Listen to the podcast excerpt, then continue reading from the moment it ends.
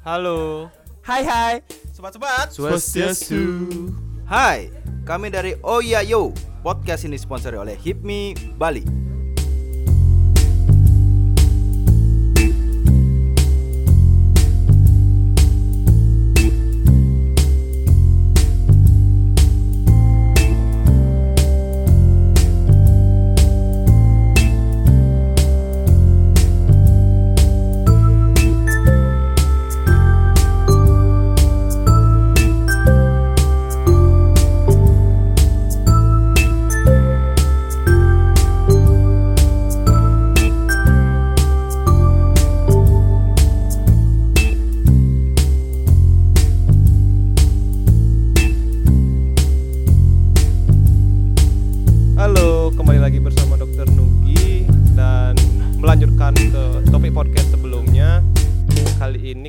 Akan membuat podcast dengan suasana yang baru nih. Kita buatnya konsepnya Q&A.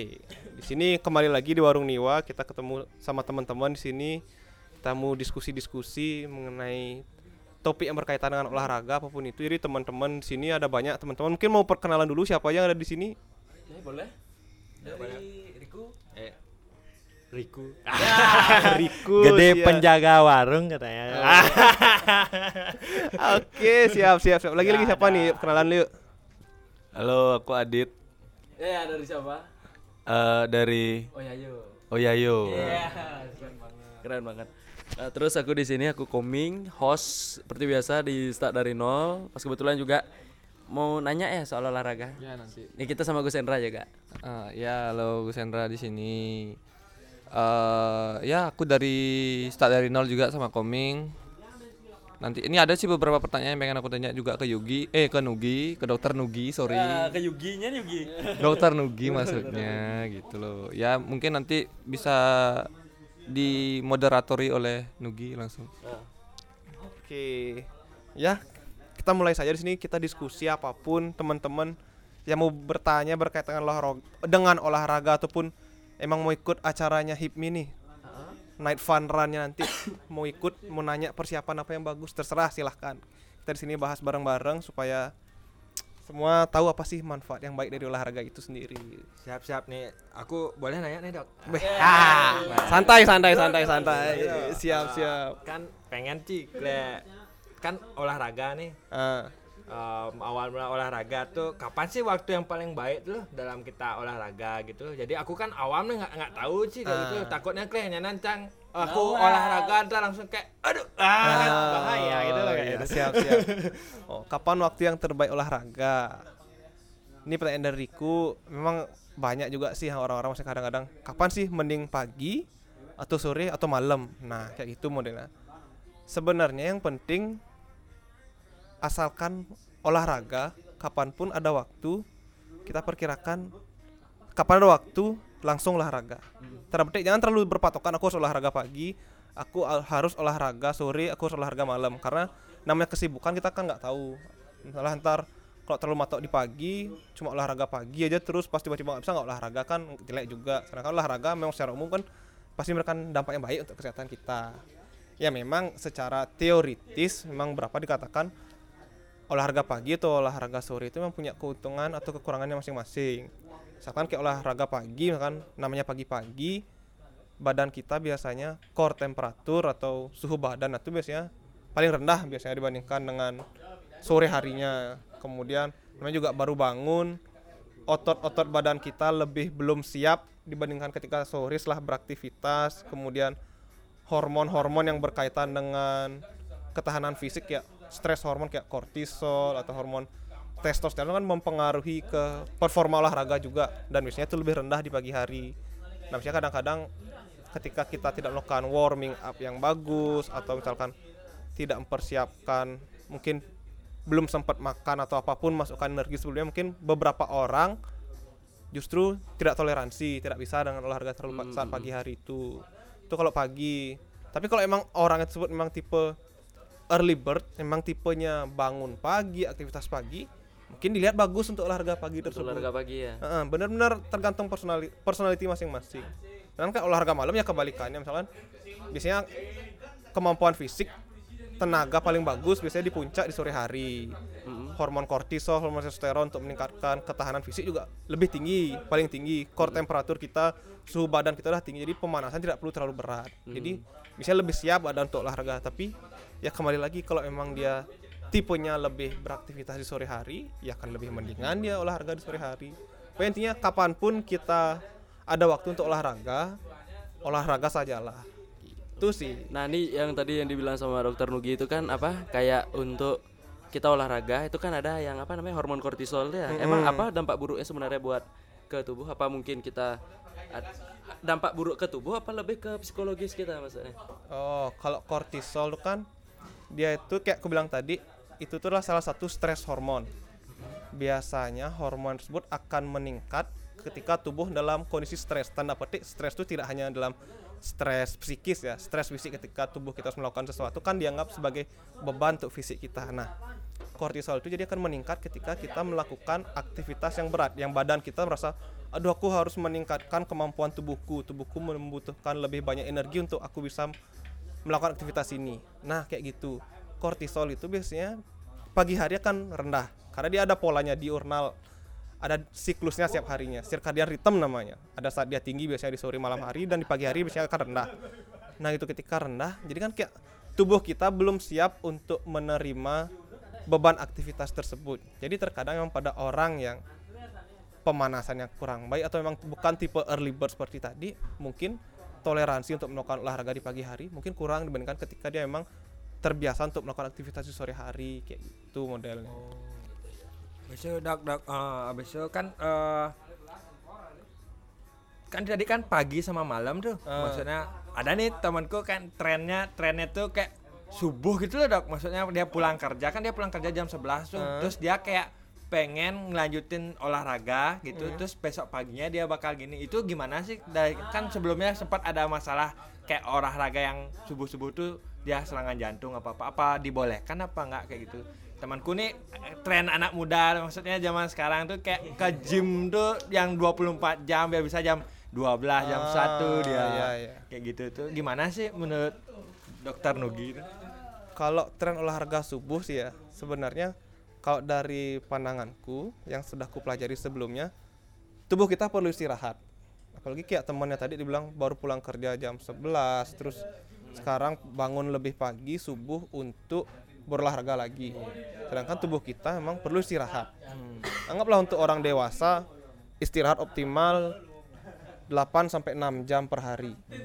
Ketika memang istirahat kita belum optimal dan aktivitas fisik sebelumnya pekerjaan juga terlalu tinggi dan untuk olahraga juga pasti badan kita kurang siap, energi nggak ada, psikis kita juga capek, kurang istirahat sebelumnya. Jadi rugi juga kalau olahraga kepagian saat tubuh kita perlu istirahat karena itu juga nggak hanya mempengaruhi ke kesehatan fisik kita, kesehatan mental, psikis kita juga kurang bagus jadinya. Itu sih menurutku sementara. Karena kan juga kalau misalkan- dianjurkan ya sama maksudnya eh, lebih kurangi lah harus ya pokoknya harus ya. harus dipertimbangkan juga istirahat yang cukup. Oh, siap siap siap bagus, siap bagus. Gimana teman-teman lain? Gimana? Ada Aku dong mau nanya nih. siap Jadi- siap siap gimana Dik? gimana? Dik? Jadi gini, kan aku kan eh, apa namanya? apa suka olahraga itu olahraga yang santai-santai aja nih. Ah, Nggak suka olahraga yang berat-berat nih. Eh, Itu salah satunya itu ada apa kayak lari gitu kan. eh, ya santai lah gitu Ya, kita ya. bisa lari-lari santai sama sepedaan nih kebetulan kedua olahraga itu yang yang apa yang sering aku jalanin gitu loh Mm. nah sekarang lebih baik mana sih kira-kira lari apa sepedaan gitu loh antara kedua itu Hmm. Ya, ya, ya. yang mana sih yang lebih bagus gitu ya memang perdebatan olahraga antara mana lebih baik lari mas sepedaan sih emang sering gak orang-orang kadang-kadang bingung mana sih mendingan karena kan sama-sama mudah dilakukan terjangkau lah kayak gitu Iya. lah modelnya kayak cuma butuh satu modal sepeda satu modal sepatu kayak gitu modelnya nah kalau dibilang semua punya kelebihan dan kekurangannya masing-masing Hmm. Nah, gampang gitu. Orang pasti mikir yang paling sering, nah terutama cewek-cewek atau yang memang badannya agak tanda petik beratnya berlebih sedikit, bisa kan pasti mendingan mikirin mana yang olahraga lebih efektif untuk menurunkan berat badan, lari pas sepeda. Nah, itu paling sering kan misalnya. Iya. Nah, kalau mau dibilang side to side comparison, kalau kita bilang dengan jarak yang sama antara lari 5 km dengan sepeda 5 km Hmm. pasti lari 5, lari 5 km akan lebih banyak membakar kalori dibandingkan dengan sepeda 5 km. Oke. Karena kan sepedaan lebih ringan bebannya, lebih sedikit otot yang kita gerakkan. Iya. Tapi kalau kita bilang jarak jelas kalah sepedaan untuk membakar kalori. Tapi kalau dibilang ketahanan, pasti tubuh kita lebih tahan untuk melakukan aktivitas bersepeda yang lebih lama dibandingkan dengan lari, jogging. Apalagi belum biasa jogging misalkan. Iya. Jadi ketika dibandingkan dengan durasi olahraganya, pasti sepedaan lebih lama. Ada tambahan kalori lagi yang dibakar. Oke. Jadi itu sangat relatif untuk masalah kalori yang dibakar. Oh. Tergantung durasi dan intensitas dari lari dan sepedanya itu juga. Terus itu juga sekarang fokusnya ke orang yang olahraga tuh mau gimana? Mau menguatkan otot badan bagian bawah atau lebih general menguatkan otot badan bagian atasan bawah. Iya. Kalau sepedaan kan otomatis yang lebih banyak bergerak pasti otot bawah kan, Otot bawah. kaki terutama. Iya. Badannya kan lebih stay karena disangga juga kan sama sadel sama stanga. Sedangkan kalau kita berlari kan selain kita kaki gerak untuk lari, otot tubuh juga harus kuat nahan beban badan biar tetap tegak. Terus tangan juga lari pasti gerak kan. Dia ototnya lebih banyak yang bergerak. Jadi lebih banyak otot yang terlibat sehingga biasanya kayak tadi otot yang terbentuk lebih bagus. Hmm. Makanya tergantung fokus otot yang mana mau dilatih. Iya. Terus kemudian kalau eh, apa namanya? Ada juga orang bilang kalau orang yang punya gangguan di lutut, lututnya rentan cedera atau orang-orang tua yang osteoartritis yang mulai ada degenerasi lutut, memang dikatakan lebih aman bersepeda dibandingkan berlari. Nah, memang kalau dipikir secara lo- logika masuk. Karena kan kalau lari jelas pasti lebih banyak beban di lutut dibandingkan dengan bersepeda. Karena kan dia yang menahan bebannya kan kalau sepeda kan nggak terlalu dia kan. Tetapi secara teoritis secara penelitian sekarang masih belum jelas terbukti apakah dengan berlari tersebut memiliki risiko lebih tinggi terhadap degenerasi sendi dibandingkan dengan bersepeda. Padahal secara umum kita tahu olahraga justru mampu mencegah terjadinya degenerasi sendi tersebut. Hmm. Jadi menurutku yang penting adalah ketika membicarakan ke efeknya terhadap lutut, yang penting adalah bagaimana kita berlari dengan teknik yang benar, intensitas yang benar dan durasi yang benar. Karena semuanya kalau kita lakukan berlebihan ketika badan kita tidak siap, Iya. ya pasti jelas memberikan dampak yang tidak bagus untuk tubuh kita meskipun dinamakan olahraga seperti Ah. itu. Jadi ya tergantung pertimbangan masing-masing apa tujuan yang ingin dicapai. Semuanya sama-sama bagus, semuanya olahraga. Oh gitu. Eh sama ini nih tadi kan ngomongin kalau eh, aku kan kalau lari itu udah mungkin udah udah berkurang ya karena kan ada kegiatan kerja juga di pagi hari sampai sore gitu. Hmm. Mungkin aku lebih sering sepedaan, Sepedaan, nih, ah. ya kan. Terus eh, aku kan sekarang nih umurnya baru 25 nih. Hmm. Nah, eh, kalau di umur-umur yang segitu tuh untuk apa kayak sepedaan yang gini tuh bisa nggak sih apa yang tadi dibilang Degenerasi sama lutut. dokter, uh, uh, Uh-uh. untuk lutut itu gimana sih Eh, eh, apa namanya pengaruh apa enggak pengaruh keras banget apa enggak sih Enggak sih. Kalau menurut ya, nah biasanya degenerasi lutut tuh kan eh, biasanya pengapuran tuh ya eh, eh, pengapuran nah, bahasa awamnya pengapuran sendi, pengapuran sendi. iya. Osteoartritis pengapuran sendi. Memang tuh penyakit faktor resikonya pasti banyak, baik dari dalam diri kita sendiri ataupun dari luar. Salah satunya aktivitas tadi kan aktivitas olahraga. Hmm. Nah, biasanya degenerasi sendi ini memang paling sering terjadi pada usia tua. oh di itu usia tua ataupun ketika akan dipercepat resikonya ketika kita pernah mengalami riwayat trauma pada lutut. Sehingga kan Oh, oke. jadinya apa namanya beban dengan pos, eh, cedera pada lutut menyebabkan kita jalannya nggak bagus posisinya. Jadinya beban di lutut tidak terdistribusi dengan baik sehingga risikonya lebih cepat terjadi. Nah ketika kita dengan usia seperti ini dan memang tidak faktor risikonya sangat minimal lah untuk usia seperti ini kan apalagi kita nggak pernah riwayat di cedera lutut sebelumnya atau memang tidak ada kelainan bentuk dari kaki ya mau olahraga lari, mau olahraga sepeda, asal kayak tadi aku bilang durasi, intensitas dan tekniknya benar, Hmm, justru itu akan menghambat terjadinya pengapuran sendi itu tadi- oke. Itu sih. Nggak boleh berlebihan. Olahraga apa pun namanya, nggak boleh juga berlebihan ya apa pun yang berlebihan kan nggak mungkin sehat. ke depannya juga mungkin Ya. jadinya lebih cepat lah proses apa kayak pengapuran, Pengapuran. gitu kan Karena itu ada trauma tersebut juga atau cedera di lutut itu akan mempercepat juga. berarti dalam artian kalau yang kayak eh, atlet apa tuh kan biasanya dia latihan tuh pagi pagi sore Heeh. pagi sore itu kan bahaya ya maksudnya istilahnya eh, untuk ke depannya gitu loh kayak ya, Oh. pemula.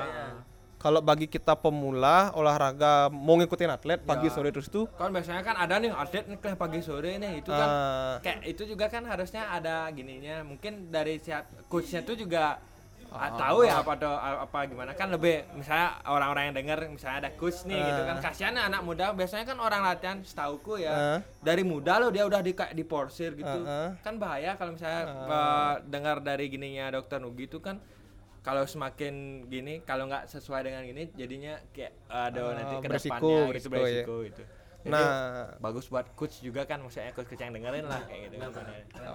kalau melihat atlet sih kita memang apa namanya kalau untuk dibandingkan dengan kita diri kita yang mulai berolahraga memang belum terlalu tepat karena kalau dibilang atlet pasti dia step by step olahraganya Kemamp- ketahanan fisiknya akan dibentuk perlahan-lahan. Jadi olahraga sedikit dulu baru makin lama makin ketika ketahanan fisiknya sudah lebih bagus fitnessnya stamina lebih bagus badannya lebih siap untuk menerima beban tersebut. Jadi ketika dia dengan teknik olahraga yang sekarang dan pasti juga olahraga yang mereka nggak cuma hanya sebatas di endurance training kayak aerobik tadi pasti dengan dikombinasikan dengan kekuatan otot lain tadi.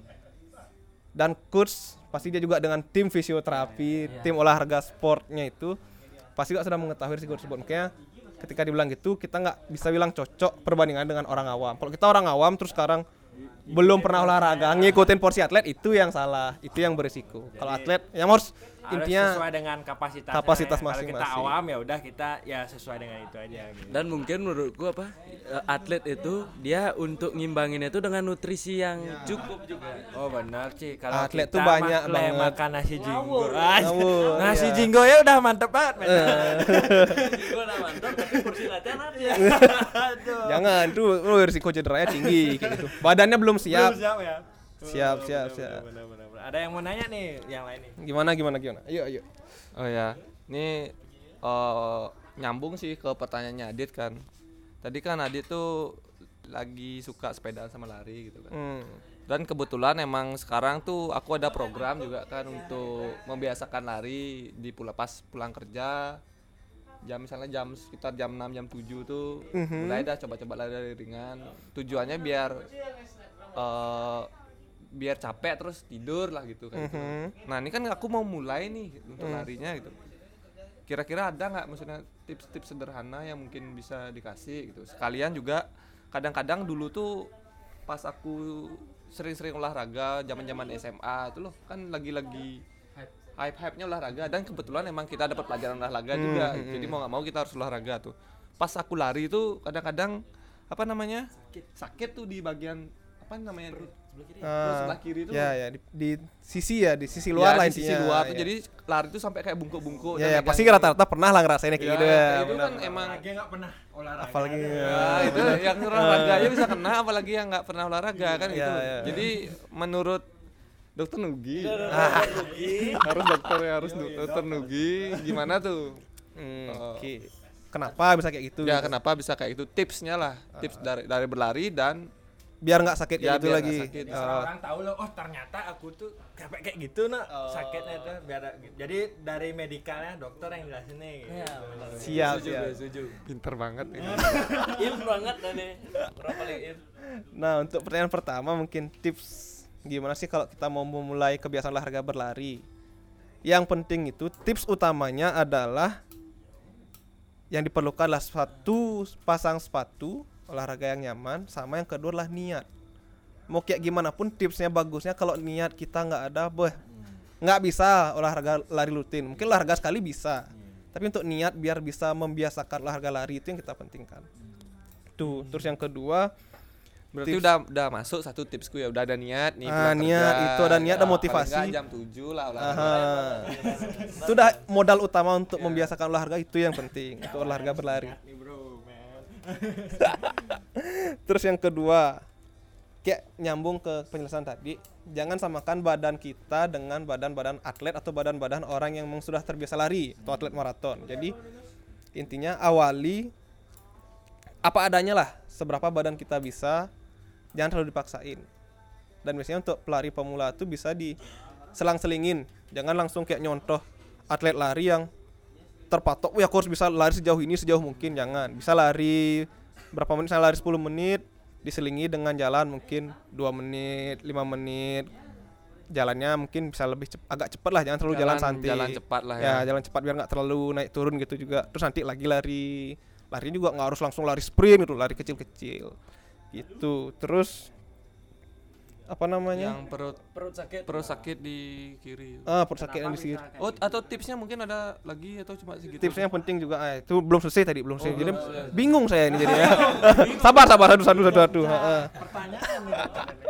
terus ingat juga apa namanya namanya kita olahraga pasti kan badan panas juga apalagi ya Indonesia Bali terutama daerah tropis kan suhunya tinggi. Ingat stay hydrated bawa air. Oh, bawa air. ya. bawa air minum karena kalau kita dehidrasi juga kurang minum pasti nggak bisa olahraga lanjut juga nggak bisa kan dan yang penting juga minumnya airnya bisa air putih atau mungkin minuman isotonik minuman yang mengandung elektrolit jangan minum-minum kayak Extra jos, susu. soda ya gitu yang minuman berkarbonasi gitu kayak itu kan bikin perut kembung bergas juga malah nggak nyaman olahraga nah ini nyambung ke penjelasan kenapa kita ngerasain sakit di perut Oh, iya, pinggir iya, itu iya, iya. Terus sama kalau lari itu ya badan serileks mungkin, posisi tegak. Sama kaki biasanya kadang-kadang ada orang yang lari tumpuan pertama itu mendarat malah pakai ujung kaki atau ada pakai tumit. Pokoknya sebiasa mungkin lah kayak kita jalan. Kalau kita jalan kan pasti satu kaki gitu kan langsung menatap di tengah di tengah kayak gitu. Apa adanya ya, jangan terlalu dibuat banyak gaya itu lari. Pokoknya lari untuk kesehatan, bukan lari untuk pamer gitu. Oh, itu. iya, iya, iya. Ya kan ada orang-orang pamer tuh ya banyak lah gaya larinya aneh-aneh gitu kan. Nah, gitu memang kayak gitu malah bikin rentan untuk terjadi cedera. Terus nyambung ke pertanyaan yang tadi kenapa sih pas olahraga tuh bisa ngerasain nyeri di perut atau di pinggang tuh biasanya. Nah, itu sih biasanya apa namanya? Memang kalau dari segi medis masih teoritis lah banyak ada teori yang menjelaskan kenapa bisa terjadi seperti itu kayak gimana namanya kita olahraga terutama olahraga yang badannya kayak apa ya istilahnya kayak naik turun menghentak seperti itu kayak lari itu kan. Iya. itu biasanya akan menyebabkan tekanan pada ligamen atau organ kayak apa bilangnya Ligamen tuh yang di kayak anggaplah penyangga kabelnya Oh, iya, kayak iya. kabel lah modelnya. Yang menyangga organ-organ visceral atau organ-organ dalam organ di dalam perut terutama hati dan lambung. Jadi ketika organ tersebut dia kan terhentak-terhentak naik turun tuh ikut organnya. Nah ligamennya itu kan dia yang menahan agar organ di perut itu tetap pada tempatnya menjaga stabilitas. Ah, ah, menjaga di sana. Nah, ketika terlalu berat olahraganya, hentakannya terlalu berat menyebabkan tegangan di ligamen yang terlalu tinggi yang menyangga organ di dalam perut tadi, terutama organ lambung sama hati lah ya. Kan dia berlekatan dan berdekatan dengan diafragma juga tuh ligamennya. Itu biasa kalau terlalu berat itu yang bikin sakit. Makanya kadang-kadang kan perut bagian atas yang kerasa sakitnya kayak itu karena kan lambung sama hati agak atas posisinya itu. Mm-mm. Terus juga nyambung ke tadi kan tadi aku bilang juga jangan minum minuman berkarbonasi atau minuman soda saat berolahraga. Kenapa? Karena minum minuman berkarbonasi tadi yang bikin perut kembung tadi atau juga kita sebelum olahraga makan terlalu banyak, terlalu berat porsi, porsi makannya itu menyebabkan massa lambung berat dari lambung itu semakin berat. Jadi pasti memberikan tegangan lebih banyak lagi ke ligamennya. Jadi ya makin berisiko cepat untuk mengalami sakitnya tersebut. Terus ada juga yang mengatakan kalau nyeri itu karena kram dari otot perutnya itu sendiri karena olahraga itu karena kurang pemanasan mungkin. ya. kurang pemanasan, heeh. terlalu tiba-tiba langsung olahraga. Terus ada juga teori yang mengatakan kalau itu akibat dari tekanan dan gesekan istilahnya eh, peritoneum itu lapisan pelindung pelapis antara dinding perut dengan organ-organ di dalamnya. Ya mirip lah ke teori yang ligamen itu karena terlalu tekanan terlalu tinggi, gesekannya terlalu tinggi menyebabkan nyeri tadi. Itu sih.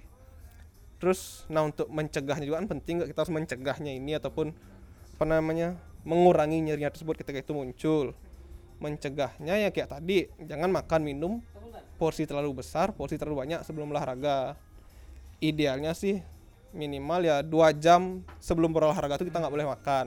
Optimalnya 3 sampai 4 jam. Kalau minum masih baik, minum air itu kan lebih gampang dicerna itu juga mencegah dehidrasi juga kan.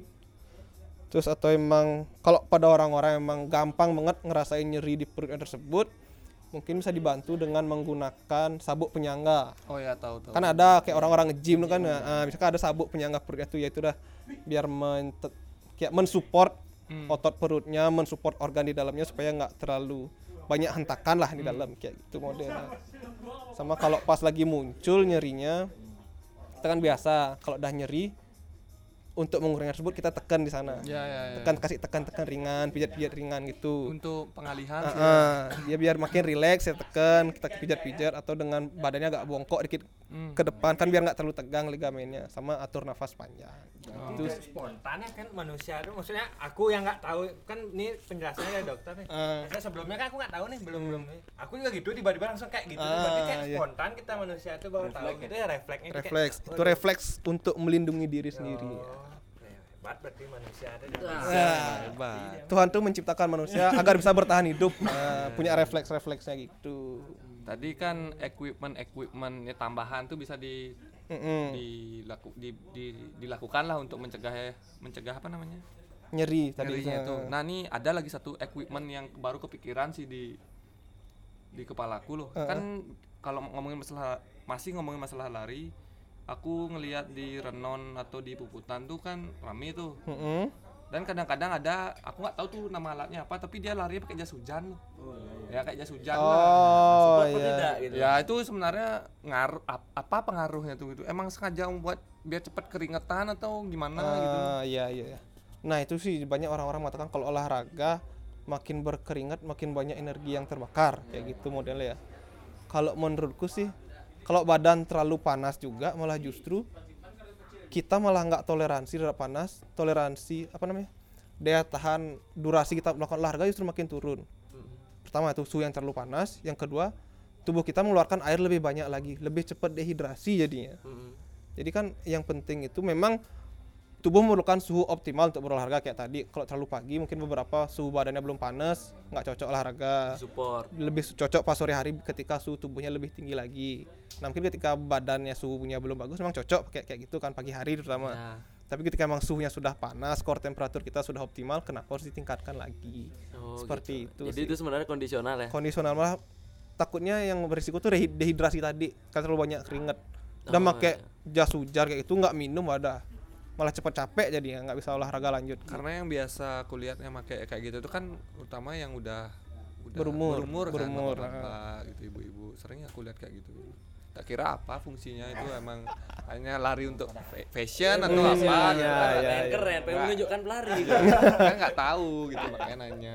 Siapa nih mau nanya lagi nih? Oh ya nih, sama gini juga. Ini kan tadi aku juga ngelanjutin yang punya Gosendra tuh. Itu kan bahas salah satu cedera yang mungkin terjadi mungkin ya. Maksudnya Mm-mm. ya cedera ringan lah mungkin. Mm-mm. Itu aku nggak ngerti itu termasuk ringan apa tidak. Itu aku nggak ngerti. Nah sekarang tuh Mm-mm. katakan seandainya nih kita lari cedera lain yang kemungkinan terjadi itu apa biasa yang terjadi dok? Maksudnya ini kan katakan sebagai eh, pelari pemula Mm-mm. kita nggak ngerti sama sekali apa kemungkinan kemungkinan cedera yang timbul Oh, terjadi? cedera yang sering akibat lari tersebut. Oke, beberapa cedera yang mungkin sering terjadi pada pelari. Nah, mungkin nih yang pertama nih yang paling sering ya, terutama orang-orang yang terlalu hype untuk mengawali lari, durasi terlalu lama, terlalu maksain. Itu ada istilahnya eh, runners knee, runners knee, ot- lututnya pelari. Nah, itu biasanya nyeri pada lutut, terutama itu udah di lututnya nyeri banget, terutama terjadi setelah habis lari. Itu sih yang paling sering terjadi karena olahraga lari tersebut terlalu maksain, durasinya terlalu lama, terlalu berat ngambil olahraganya. Itu yang pertama, runners knee. Terus yang kedua itu ada ankle sprain. Ankle sprain ya nggak cuma di lari berbagai olahraga pun sangat berisiko terjadi ankle sprain ini atau kejengklok atau terkilir. Nah itu sih biasanya terutama diakibatkan karena sepatu yang nggak bagus, kondisi sepatu yang nggak bagus, terus kemudian teknik lari yang salah kayak yang tadi aku bilang, teknik pijakan kaki pada saat berlari yang salah, terus kemudian juga lari di tekstur pijakan tuh tanahnya yang kita injak tuh nggak bagus, terlalu bergelombang seperti itu. Mm-mm. Nah untuk pencegahannya kayak tadi teknik lari harus benar, rileks saja, terus kemudian pakai sepatu yang kondisi bagus, sama mungkin perlu ada balance training juga biar fungsi badan kita bisa merasakan ketika posisi nggak balance gimana untuk menghadapi posisi tersebut. Oh, kayak iya, gitu. iya, spasinya ming Ah. jadi kayak "Nih, udah nggak bagus nih balance Nah, biar langsung memposisikan. Berarti untuk gini ya lebih ditekankan ke apa namanya penanganan tuh lebih ke performanya diperhatiin jadinya ya. Ya, jangan maksain intinya. Oh gitu. Nah sama gini juga eh, dokter Nugi eh, apa namanya? Katakan misalnya kita nyeri nih. Ah. Katakan itu misal kita nyeri itu tuh apa namanya? Kadang misalnya aku ngeliat tuh ada orang justru ngambil tindakan tuh bukan ke performa yang diambil karena kan kalau misalnya introspeksi diri kan susah kan gitu. Nah, ada dari beberapa dari mereka tuh justru malah dikompres gitu loh. Ah, Entah itu dikompres pakai air hangat atau air dingin itu aku nggak ngerti pakai air apa, cuman yang pasti tak lihat tuh dikompres. Ada nggak efeknya tuh kalau misalnya dia ngompres? Aja ada hot sama gini itu juga nggak tahu kan kegunaan kita loh Nah, hot sama dingin itu Nah, itu udah juga kan sama gitu kan ya ya an- ada dua dah tuh masuk Jadi dia nggak tuh. kita tahu ya kan Ya, Nah, untuk masalah kompres memang kadang-kadang orang nyeri kan kompres. Kadang-kadang masih bingung mana lebih cocok kompres hangat atau kompres dingin kayak gitu modelnya kan. Nah, kalau dari segi keilmuan untuk kompres dingin itu memang efeknya itu adalah untuk mengurangi nyeri kemudian mengurangi bengkak terutama akibat suhu dinginnya tersebut menyebabkan penurunan aliran darah ke daerah yang nyeri tersebut kemudian mengurangi peradangan sekaligus mengurangi spasme otot. Nah, biasanya untuk kompres dingin ini lebih cocok atau lebih dianjurkan ketika masih dalam kondisi cedera akut atau nyeri yang akut akibat misalkan kayak terkilir tadi atau terjatuh itu biasanya lebih direkomendasikan pada tiga hari pertama pada saat cedera dan atau juga pada kondisi-kondisi misalkan kondisi nyeri yang kita sudah memang dari dulu sering riwayat nyeri tapi hilang timbul hilang timbul nyeri kronis kemudian timbul kembali mendadak tiba-tiba di awal-awal mungkin cocok diberikan kompres dingin tadi. Kemudian kalau kompres hangat itu dia akan menimbulkan peningkatan aliran darah ke bagian yang dikompreskan. Kan hangat kan pembuluh darah kan lebih lebih terbuka lebar aliran darahnya lebih bagus. Kemudian dia juga memberikan efek untuk lebih meringankan tekanan atau ketegangan pada otot juga. Kemudian mengurangi kekakuan di sendi. Karena kan ya ototnya namanya lebih rileks kan pasti kekakuan sendi akan berkurang. Kemudian dengan sendi otot lebih rileks otot dah nggak tegang ten- tentu meningkatkan fleksibilitas dari gerakan tubuh itu sendiri. Sekaligus juga ada efek untuk mengurangi nyerinya Nah, kalau yang kompres hangat ini kebalikannya dengan kompres dingin, dia akan lebih cocok diberikan ketika nyerinya tersebut bersifat kronis atau sekitar tiga hari setelah nyeri akut itu lewat. Karena kan setelah nyer, setelah cedera akut tiga hari pertama biasanya kan peradangan tinggi. Kompres dingin akan mengurangi bengkaknya. Nah kan setelah peradangannya hilang, kita berikan kompres hangat karena kan dengan kompres hangat aliran darahnya lebih bagus, penyembuhan akan lebih cepat. Kalau di awal kita kasih kompres hangat, semakin gede bengkaknya karena pembuluh darahnya semakin membengkak, semakin besar karena Oh, iya, radang iya, dia. iya, Kayak Benar, gitu. setuju, setuju, guys. Heeh. Setuju, setuju. Ya. Atau juga emang pada orang yang lebih permasalahannya ke otot bukan ke sendi, cocoknya kompres hangat kayak gitu. Mm-mm. Gitu. itu teman-teman harus kita harus tahu nih gunanya kompres hangat dan dingin tuh men gitu. Jadi biar nggak asal-asalan ya. asal, ya. Butuhnya yang anget tapi kita dinginin Iya, gitu. nah, dingin, kan ya. salah tuh ini dah penerangan apa penjelasan dari dokter Nugi itu tentang setelah kita kalau misalnya kita kena engkel apa tuh gitu hangat atau dingin tuh bisa dipakai gitu. Nah, gue setuju tuh. Nah, sama gini juga. Jadi lebih siap juga buat persiapan di lari di Waduh. fun run ya. Ya, Night fun run Night ya. fun run dari acara HIPMI itu ya. Sebenarnya dari tadi nanya sih karena emang pas kebetulan eh, pengen ikut partisipasi gitu. Oh, biar mengurangi risiko cedera juga. Iya. Jadi persiapan kita gitu loh, sebelum perang kita besok nih Oh, orang awam iya, iya. harus kayak benar- Biar nggak salah senjata Yoi. ntar ya. Siap, siap, siap. Biarpun konsepnya fun tapi kan safety first. Ya, safety.